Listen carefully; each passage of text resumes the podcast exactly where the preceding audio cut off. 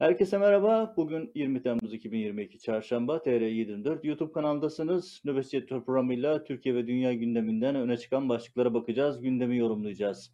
Gündemde neler var, perde arkasında neler dönüyor? Önümüzdeki yarım saat içerisinde size toparlayıp anlatmaya çalışacağım. Gündemin ilk sırasında Erdoğan'ın İran seyahati var. İran seyahati dönüşünde beraberinde götürdüğü gazeteciler eki onlarca gazeteci götürmüş gözüküyor. Uçak büyüdükçe gazeteci sayısı da artıyor. Çoğunu hiçbirimiz tanımıyoruz. Ben de yıllardır sektördeyim ama ilk defa gördüğüm simalar var. E, bu gazetecilerle seyahate gitti. Dönüşte onlara uzun açıklamalar yaptı. Açıklamalar daha çok tek taraflı. Erdoğan söylemiş. Onlar da iletişim başkanlığı da onları not haline getirip gazetecilere dağıtmış gözüküyor. Çünkü sorulması gereken birçok sorunun sorulmadığını da net olarak görüyoruz. Basın toplantıları dışında yani dünkü basın toplantılarında e, genel gidişata dair ipuçları vardı. E, görüşmenin Tahran seyahatinin çok verimli geçmediği anlaşılabiliyordu. Bugün ortaya çıkan detaylar Erdoğan'ın konuşmalarının satır aralarından anlıyoruz ki bu buluşma çok verimli geçmemiş. Erdoğan biraz da eli boş dönüyor. Ne demek istiyorum? Şimdi satır aralarına geçtiğim zaman daha net anlaşılabilir. Bu tip diplomatik e, temaslar ve liderler zirvesinden sonra yapılan açıklamalar, röportajlardaki satır araları havayı yansıtması açısından son derece önemli. Erdoğan'ın Tahran'da neden eli boş döndüğüyle ilgili ifadelere de gelirken kendi satır aralarında bunu görmek mümkün. Çünkü en başta e, Türkiye'nin Mayıs ayının sonunda 23 Mayıs'ta yanlış hatırlamıyorsam 23 Mayıs'ta Erdoğan ansızın girebiliriz deyip Suriye operasyonu işaret etmişti ama hem Amerika Birleşik Devletleri'nden hem de Rusya'dan bu operasyona hayır yapmayın cevabı gelmişti ve iki taraftan da onay gelmediği için operasyon yapılamıyordu. Erdoğan benzeri bir ifadeyi İran'dan da duydu. İran'da operasyon yapılmasına sıcak bakmadığını ifade etti. Ee, Erdoğan da zaten dönüş yolunda, şimdi satırlarında vereceğim bu ifadelerini, kendi ifadelerinden aktaracağım. Dönüş yolunda verdiği demeçlerde bunu teyit eden ifadeler kullanıyor. Benzeri e, anlayışların, daha doğrusu e, Türkiye'nin yaşadığı endişelerin bu ülkeler tarafından anlaşılması gerektiğini söylüyor Erdoğan. Tabii bu da istediğimizi alamadım demekten başka bir şey değil. Tabii bu kadar kritik zirvenin e, iktidar medyası tarafından nasıl ele alındığı önemliydi. Erdoğan burada bildiğimiz e, gündem değiştirme taktiklerinden birini yaptı. Ne yaptı? Hatırlarsınız 5 Mart 2020'de 34 Türk askeri Suriye'de şehit edilmişti. Aslında bu rakam 60'tan fazlaydı ama Türkiye resmi olarak 34 rakamını açıkladı. Daha sonra da konunun üzeri kapatıldı. Rus uçakları tarafından basılan, vurulan Türk birliği onlarca şehitten sonra Erdoğan Moskova'ya gitti. Putin'in kapısında iki dakika bekletilmişti hatırlarsınız. Ve bu bekletilme esnasında ekrana bir kronometre konmuş ve bu kronometre iki dakika boyunca ekranda kalıp bu da devlet televizyonundan gösterilmişti. Yani hem askerlerimizi şehit eden Ruslar hem de Erdoğan'ı ayaklarına çağırıp hakaret etmişlerdi. Erdoğan dün bir nevi intikamını almış oldu. İntikam alma girişiminde bulundu diyelim. Çünkü Putin'le Erdoğan görüşmesi esnasında Türk heyeti yaklaşık 45 saniye salona geç girdi. Hani iki dakikanın karşılığında böyle bir hamle yapmış oldular. İktidar medyası da, yandaş medyada e, Rusların yaptığı gibi ekrana kronometre koyup işte 45 saniye boyunca Erdoğan'ın Putin'i beklettiğini ifade ettiler. Böyle bir nevi intikam almış oldular. Bu hareketten dolayı havuz medyasında ve trollerde dünden bu yana yoğun bir şekilde Erdoğan'a gaz verme ya da işte kendi kitlelerini gaza getirme çalışmaları devam ediyor. Erdoğan gitti, masaya yumruğunu vurdu, Putin'i bekletti, istediğini aldı şeklinde. Gerçek öyle mi? Maalesef değil. Yani hep olduğu gibi değil ama burada da yine aynı şey söz konusu. Ee, Birçok noktada Erdoğan istediklerini alamamış. Aziyette bunu da satırlarından anlıyoruz. Ne diyor Erdoğan? Diyor ki röportajda ifade ettiği aynen şu. Astana garantörleri olarak kendi ifadesinden okuyorum. Rusya Federasyonu ve İran'dan beklentimiz bu mücadelede Türkiye'ye destek olmalarıdır. Yani Türkiye'ye destek olmalarıdır beklentisi. Biz kapalı kapılar arkasında taleplerimizi dile getirdik ama onlar bakmadılar şeklinde bir e, okuması gereken bir şey. Çünkü bu olma talebi Erdoğan'ın konuşmasında, soru cevaplarında yansımış oluyor. Erdoğan'ın e, Kuzey Irak'la ilgili, şey, Kuzey Suriye ile ilgili operasyon ifadeleri yine aynı şekilde röportajının satırlarında var. Amerikan askerlerinin çekilmesi gerektiğini söylüyor. E, Putin'le ilgili e, görüşmelerle ilgili de enteresan bir ifadesi var. Bütün bunların yanında şöyle bir ifadede bulundum. Erdoğan'ın konuşmalarını bir bütün olarak izlediğiniz zaman, dinlediğiniz zaman ki ben Erdoğan'la e, bu seyahatlere çok katıldım. Uçakta notları tutan, bu haberleri hazırlayan genelde ben olurdum. Erdoğan'ın e, yüz halinin röportajdan anlaşılabildiğini biliyorum. Tecrübe etmiştim bu konuda. Bu röportajda da belirgin bir şekilde Erdoğan'ın yüzü düşük. Birçok noktada söylediği cümleler tuhaf. Yan yana koyduğunuz zaman da düşündürücü şöyle ki yani mesela röportajın başında söylediği cümle röportajın ortasında farklı bir anlama geliyor. Sonunda farklı bir yere gidiyor. Sorular cevaplar birini tutmuyor. Bu son dönemde Erdoğan röportajlarında çok sıklıkla görülen bir durum. Bunu da Erdoğan'ın sağlık sorunlarıyla ilişkilendirmek mümkün. Zihni anlamda sorulara cevap veremediği ya da soruları cümleleri toparlayamadığı gibi bir tablo ortaya çıkıyor. Tabi bunun yanında bir de bildiğimiz klasik Erdoğan'ın e, şahsım e, vurgusu var. Şöyle ki mesela işte e, Putin'le ilgili e, bir soruya cevap verirken diyor ki e, aynı şekilde Rusya'da zaten Putin işin başındaydı. Yine işin başında. Bizde de aynı şekilde Erdoğan Türkiye Cumhuriyeti'nin başındaydı. Yine başında. Yani kendinden bahsederken yine Erdoğan şahsın vurgusunu da ısrarla vurgulamış oluyor. Amerika ile ilgili görüş ayrılıklarına dikkat çekiyor. Röportajda işte F-16'larla ilgili biliyorsunuz Yunan lobisi başta olmak üzere Amerika'da bir takım lobiler Türkiye'ye F-16 dahi verilmesin konusunda kampanya yapıyorlar. Erdoğan burada yaşadığı e, hayal kırıklığını da ifade etmiş. Biden bu konuda gerekli e, adımları atacağını söylemişti diyor. Bu konu F-16 beklentisi Erdoğan'ın büyük.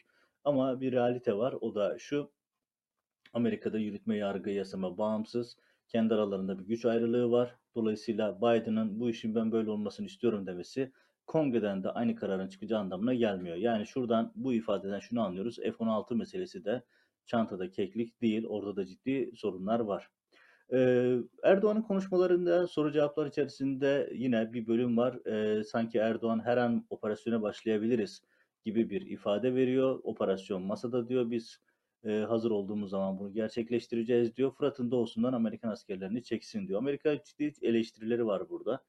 Ee, Türkiye'nin neticesi, e, Türkiye'nin beklentisi olduğunu ifade ediyor.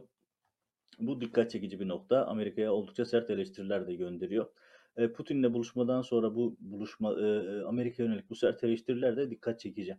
E, burada tabii Erdoğan'ın kafa yapısını gösteren önemli detaylardan birisi var röportajda. Yine Suriyeliler meselesi gündeme geldiğinde Erdoğan diyor ki biz biriket evler yapıyoruz. 250 bin konut yaparsak 1 milyon insanı geri döndürebiliriz diyor.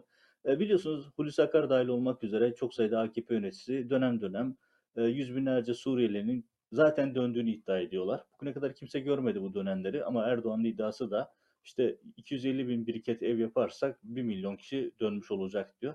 Sur Suriye sorununu yani inşaatçı kafasının yansıması böyle bir şey. Suriye sorunu konusuzluktan çıkmadı. Suriye sorunu insanların baracak, barınacak yer sorunu olmadığından çıkmamıştı. Erdoğan oraya biriket evler yaparak bu sorunu çözeceğini düşünüyor. Tabii ki buradaki temel mesele de rant. AFAD üzerinden yine AKP'li iş adamlarına rant kapısı açıyorlar. Bu hadise de Erdoğan'ın yine kafa yapısını göstermesi açısından önemli. Sanki sorun Suriye'deki biriket evler sorunu bunu da e, yeniden görmüş olduk. Erdoğan başka neler söylüyor? Amerika ile ilgili eleştirileri var. Temsilciler Meclisi'ndeki durumla ilgili eleştirileri var. E, Putin'in çok çok farklı teklifleri oldu diyor ama bunu açmıyor. Mesela ben bir gazeteci olarak o heyette bulmuş olsaydım bu sorunu hemen e, bizim tabirle kullandığımız follow-up soruları dediğimiz e, takip soruları gelir. E, mesela işte diyor ki Putin'in çok çok farklı teklifleri oldu. Acaba ne teklifleri oldu? Yani bir gazetecinin sorması gereken bunu açmasını istemektir.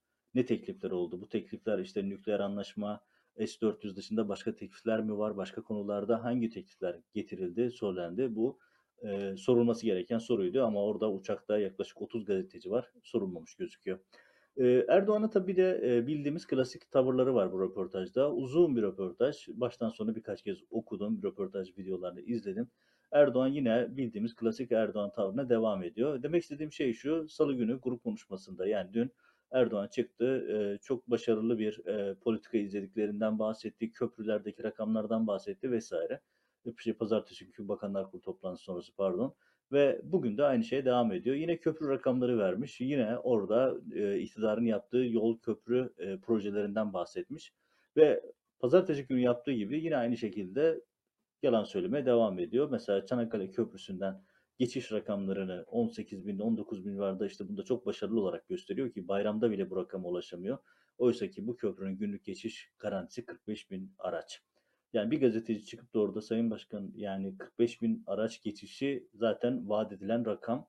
Bayramda bile rakam 18 bini bulmamış. Bu nasıl olacak diye ya da bu, bu, bu rakamlar nasıl bir başarı oluyor şeklinde sormamış. E, zaten hoş sorarsanız da bir daha uçağa binemiyorsunuz. O da işin ayrı bir boyutu. E, bir diğer noktada şu Erdoğan'ın yine klasik bildiğimiz yalanlarından birisi. Hani maf- maalesef Erdoğan'ın hani yalana yalan demek zorundayız. Hani bir cumhurbaşkanı ile ilgili bu ifadeyi kullanmak çok şık olmayabilir ama sonuçta Erdoğan bunu sıklıkla yapıyor. Diyor ki röportajında e, biliyorsunuz diyor PKK, PYD, YPG ve FETÖ'yü terör örgütü olarak resmi kayıtlara girdik diyor. Resmi kayıtlara giren böyle bir ifade yok. Biliyorsunuz bir üçlü mutabakat belgesi hazırlandı ki o da NATO belgesi değil. NATO Genel Sekreteri hafta sonu geçtiğimiz hafta sonu daha birkaç gün önce açıklama yapıp bunun bir NATO belgesi olmadığını söyledi. Bu üçlü bir mutabakat metni, memorandum ve buradaki durumda e, Erdoğan söylediğinden farklı. Yani orada FETÖ terör örgütü gibi yok. Orada Türkiye'nin iddia ettiği, Türkiye'de tanımlanan şekliyle diyen ama aslında İsveç, Finlandiya'nın kabul etmediğini deklare ettiği bir nokta. Tersten okursanız aslında FETÖ diye bir örgüt olmadığını resmi belgelere diğer ülkelerde sokmuş oldular. Çünkü bu kat, e, yoruma katılmadıklarında göstermiş oldular. Ama Erdoğan bunlar resmi belgelere girmiş gibi anlatmaya devam ediyor. Böyle bir e, söylemi var ama yine hiçbir gazeteci efendim bu belge girmedi ya da işte siz böyle diyorsunuz ama NATO Genel Sekreteri başka bir şey söylüyor, İsveç Cumhurbaşkanı başka bir şey söylüyor şeklinde bir karşı soruyu da sormamış öyle gözüküyor. E, muhalefete yönelik eleştirileri yine bildiğimiz Bay Kemal ile başlıyor. İşte muhalefet partilerinin e, hizmet üretmediğinden, süreci yönetemediğinden bahsediyor. O bildiğimiz klasik seçim söylemleri var. Özellikle İzmir'le biliyorsunuz Erdoğan'ın hep yaptığı bir şey var. İzmir'le ilgili negatif haberleri sürekli gündeme getirip İzmir'i eleştirisinde bulunmak. Bu da bir seçim yaklaşımı olarak değerlendirilebilir. Ee, ama Erdoğan o röportajında çok önemli konuların arasında muhalefeti yüklenmeyi de devam ediyor. Erdoğan'ın bu seyahatine dair dikkat çekici başka şeyler de var. İşte özellikle sosyal medyada çok konuşulan bir fotoğraf vardı, bir video vardı. Ee, görüntüde yönetmenimiz şimdi ekrana getirebilir. Ee, Hakan Fidan yanında iletişim başkanı Fahrettin Altın var. Bir taraftan da Hulusi Akar var. Hulusi Akar'ın morali son derece bozuk gözüküyor. Sıkılmış gibi sağa sola bakıyor. Ee, Hakan Fidan ise ilginç bir şey yapıyor. Ee, İletişim Başkanı Fahrettin Altun'un cep telefonu mesajlarını dikizliyor ilginç bir şekilde. Sosyal medyada inanılmaz geyikler dönüyor. Çok kişi e, istihbarat böyle bir şey değildir diyor ya da birileri diyor ki adam işini yapıyor zaten işi sağa sola dikizlemek şeklinde. E, Fahrettin Altun'un da mesajları bu şekilde okunduğunu fark etmesi üzerine vazgeçmesi de yani önde Erdoğan e, çok önemli şeylerden bahsediyor belki ama e, ekrandaki bu görüntü dün gün boyunca ve bugün hala hazırda sosyal medyada en çok üzerine yorum yapılan alan olarak e, önümüze gelmiş oldu. Röportajın ilginç, e, seyahatin ilginç anekdotlarından birisiydi. Bir diğer nokta da şu, bir grup çevreler özellikle ulusalcı, elitist ya da işte liberal çevreler, şey pardon, laik çevreler nasıl olur da Bilal Erdoğan bu heyete katılır şeklinde dünden bu yana bir kampanya yürütüyorlar. Bunlara da günaydın demek gerekiyor. Çünkü uzun zamandır Bilal Erdoğan bu heyetlere katılıyor, bu toplantılara katılıyor resmi heyetin üyesi olarak gidiyor. Hatta Erdoğan'ın olmadığı programlara heyet başkanı olarak katılıyor. Orada Türkiye adına vaatlerde bulunuyor, programlarda bulunuyor, görüşmeler yapıyor. Neden? Çünkü Erdoğan şahsım ülkesinin başkanı, şahsım ülkesinin aile fertleri de o ülkenin yöneticileri sayılıyor. Ee, hani dalga geçmiyorum gerçekten e, yıllardır yapılan uygulama bu şekilde. Özellikle son 3-4 yıldır bu konuda artık Bilal Erdoğan resmi devlet temsilcisi gibi heyet başkanlıklarına bile imza atıyor, heyet olarak gidiyor. Ve bugüne kadar e, bunlara göz yuman, yeter ki Erdoğan bizim istediğimiz işleri yapsın deyip Erdoğan hukuksuzluklarına göz yuman çevreler şimdi çıkmışlar diyorlar ki Bilal Erdoğan hangi vasıfla orada. E, hangi vasıfla orada olduğunu onlar da biliyor ama bugüne kadar ses çıkarmayıp şimdi itiraz etmeye başlamalarına da e, onların siyasi çıkarcılığı olarak not düşmek gerekiyor.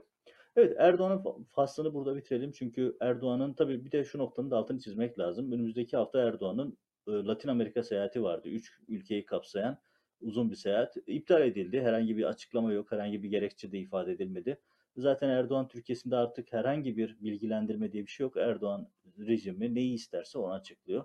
Normal şartlarda devlet başkanının böyle bir seyahatin iptal edilmesi resmi açıklama gerektirir. Sağlık sorunuyla mı iptal edildi, başka sorunları mı var, başka bir mesele var diye.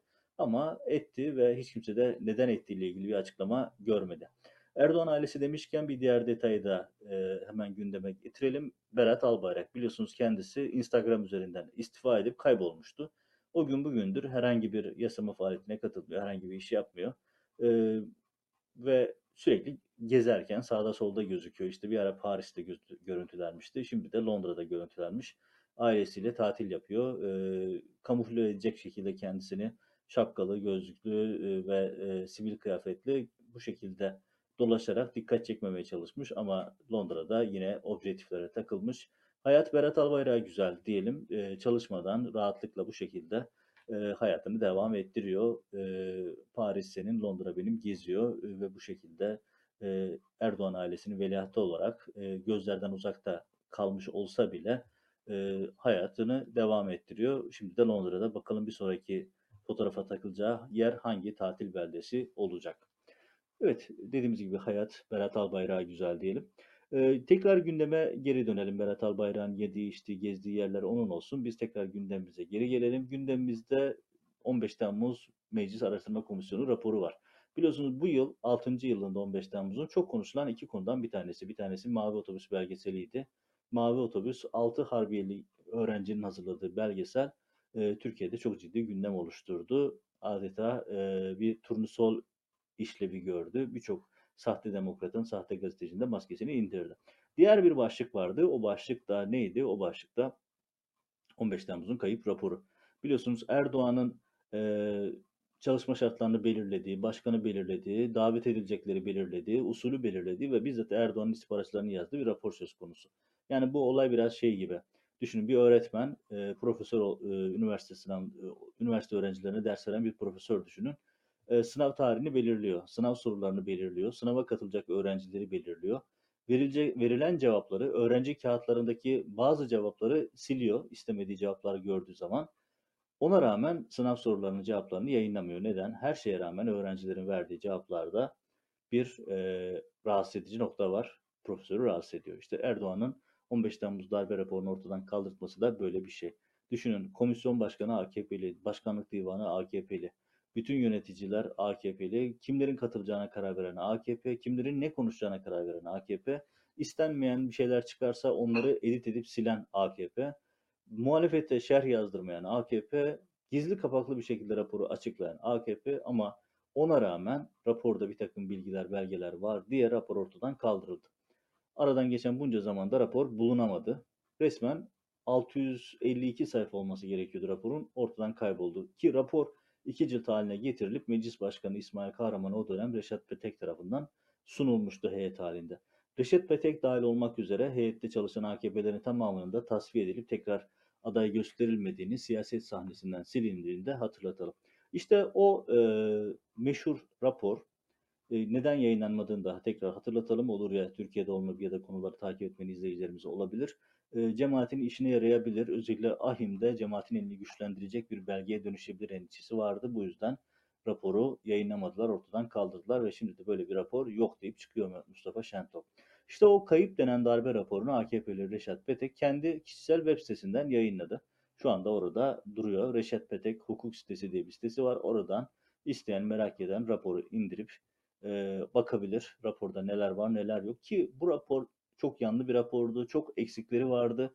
Düşünün darbeyi araştırıyorsunuz. Darbeyle ilgili olan temel kişilerin hiçbirini çağırıp konuşmuyorsunuz. Ne Erdoğan, ne Hakan Fidan, ne Hulusi Akar, ne de Hava Kuvvetleri Komutanı Abidin Ünal gibi en kritik isimleri çağırmıyorsunuz. Darbeyi haber verdiği söylenen enişteyi çağırmıyorsunuz.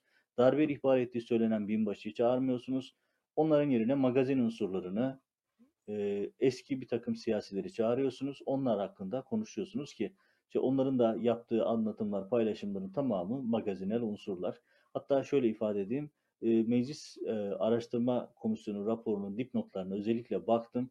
Raporların, e, raporun kaynakça bölümündekilerin toplamında %58'i sadece havuz medyasında çıkan haberlerden derlenmiş. Düşünün havuz medyasında çıkan haberleri derleyip meclis raporu olarak sundular. Ha, ona rapora bile katlanamadılar. O rapor bile Erdoğan'ın resmi 15 Temmuz söylemini çökerten veriler içeriyordu. O yüzden raporu ortadan kaldırmışlardı. İşte o rapor şimdi Reşat Petek'in hukuk sitesinde, web sitesinde var. Oradan alıp indirip okuyabilirsiniz. Bence oradan da indirip bir yere arşivleyin. Çünkü yarın bir gün oradan da imha edilip tümden ortadan kaldırılabilir. Ama sonuçta rapor burada ve bir web sitesinde kullanıma açık. Onu da dikkatinize sunmuş olalım.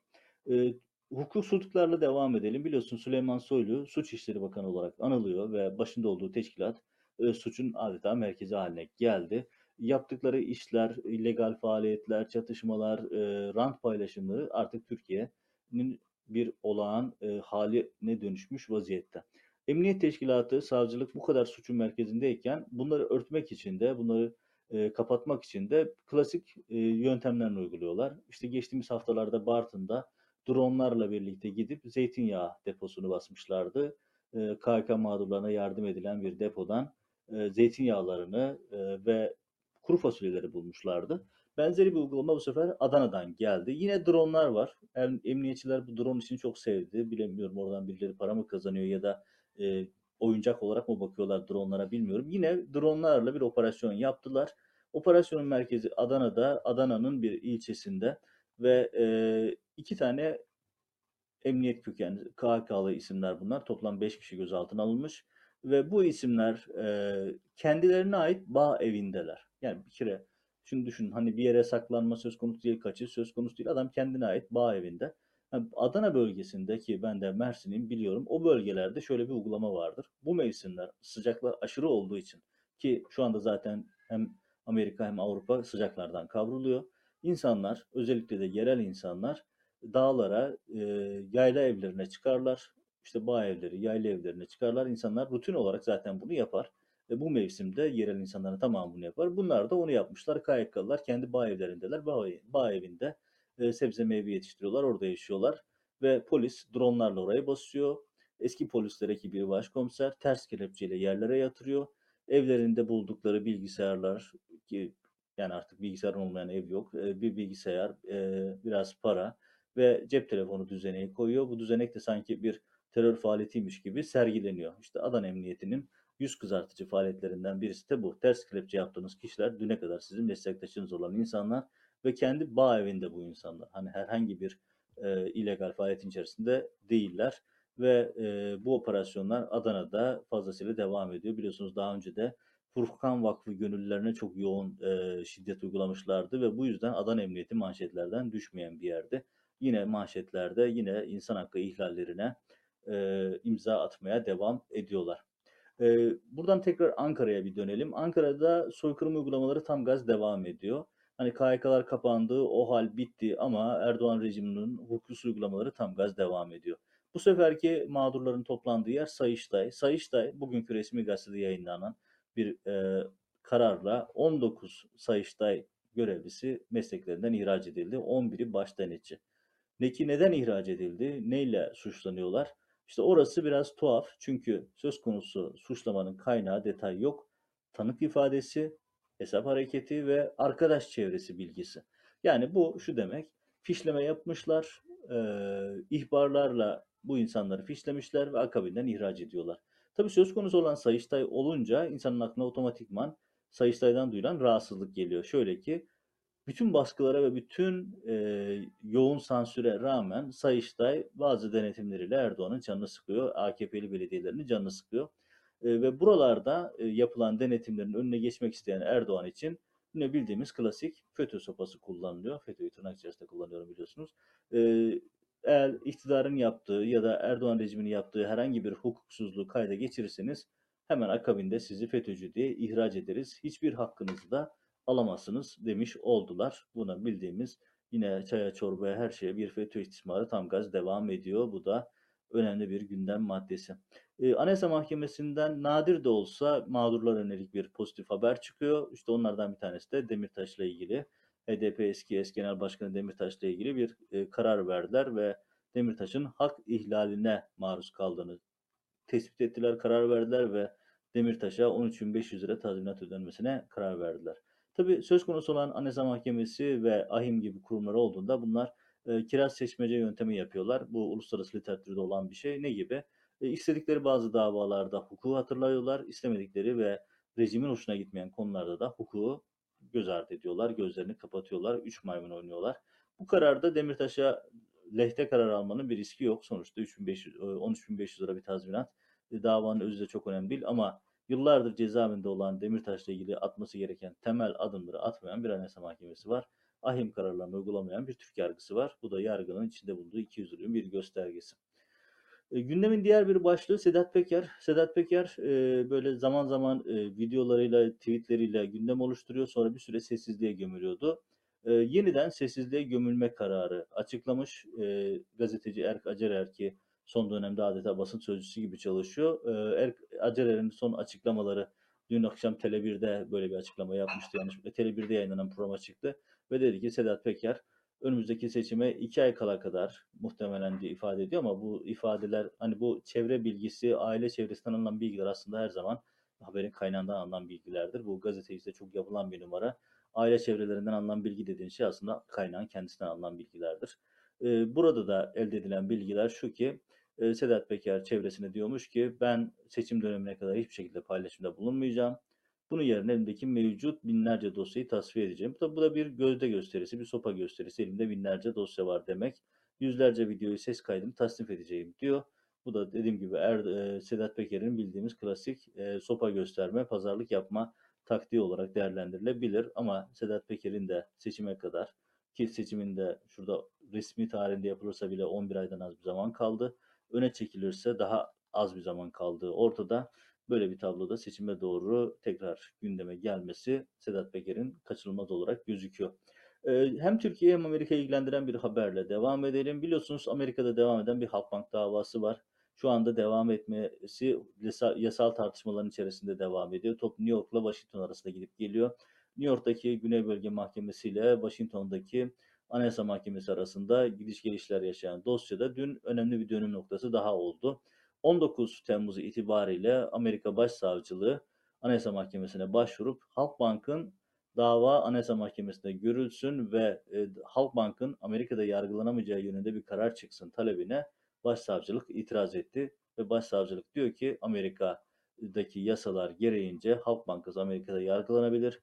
Bunun daha önce başka ülkelerin başka bankalarında örnekleri var ve söz konusu yani Halkbank'ın biz yargılanamayız burada dedikleri madde Halkbank'ın durumunu kapsamıyor demiş ve detaylı bir dilekçeyle Anayasa Mahkemesi şey Amerikan Amerikan Başsavcılığı Halkbank'ın itirazının reddedilmesini ve davanın New York'ta tekrar görülmesini talep etmiş oldu. Şimdi gözler Anayasa Mahkemesi'nde. Anayasa Mahkemesi önümüzdeki günlerde davayla ilgili karar verecek. Davayı tümden reddederse yani söz konusu kararı Halkbank'ın itirazını dikkate almaz ve davayı New York'a geri gönderirse Reza Zarrab'ı biz tekrar kürsüde göreceğiz. Yeniden davalar başlamış olacak. Yok Anayasa Mahkemesi bu kararı dikkate alır. Yani Halk Bankası'nın itirazını dikkate alır ve davanın Anayasa Mahkemesi'nde görülmesini talep ederse bu konu Anayasa Mahkemesi'nin gündemine girmiş olacak. Böylelikle bu dava daha uzamaya devam etmiş olacak. Bir parantez daha açalım. Sezgin Baran Korkmaz da Cuma günden itibaren Amerika'da şu an Salt Lake City, Utah'ta tutuklu Eylül'ün 21'inde ilk duruşmaya çıkacak. Onu da takip edip size aktarmaya çalışacağız. Ee, tekrar Türkiye gündemine dönelim. Türkiye gündeminde e, biliyorsunuz sosyal medyada günlerdir konuşulan bir ördek mevzu var. Önce kaz olarak başladı. Sonra kaz olmadıkları ördek oldukları anlaşıldı.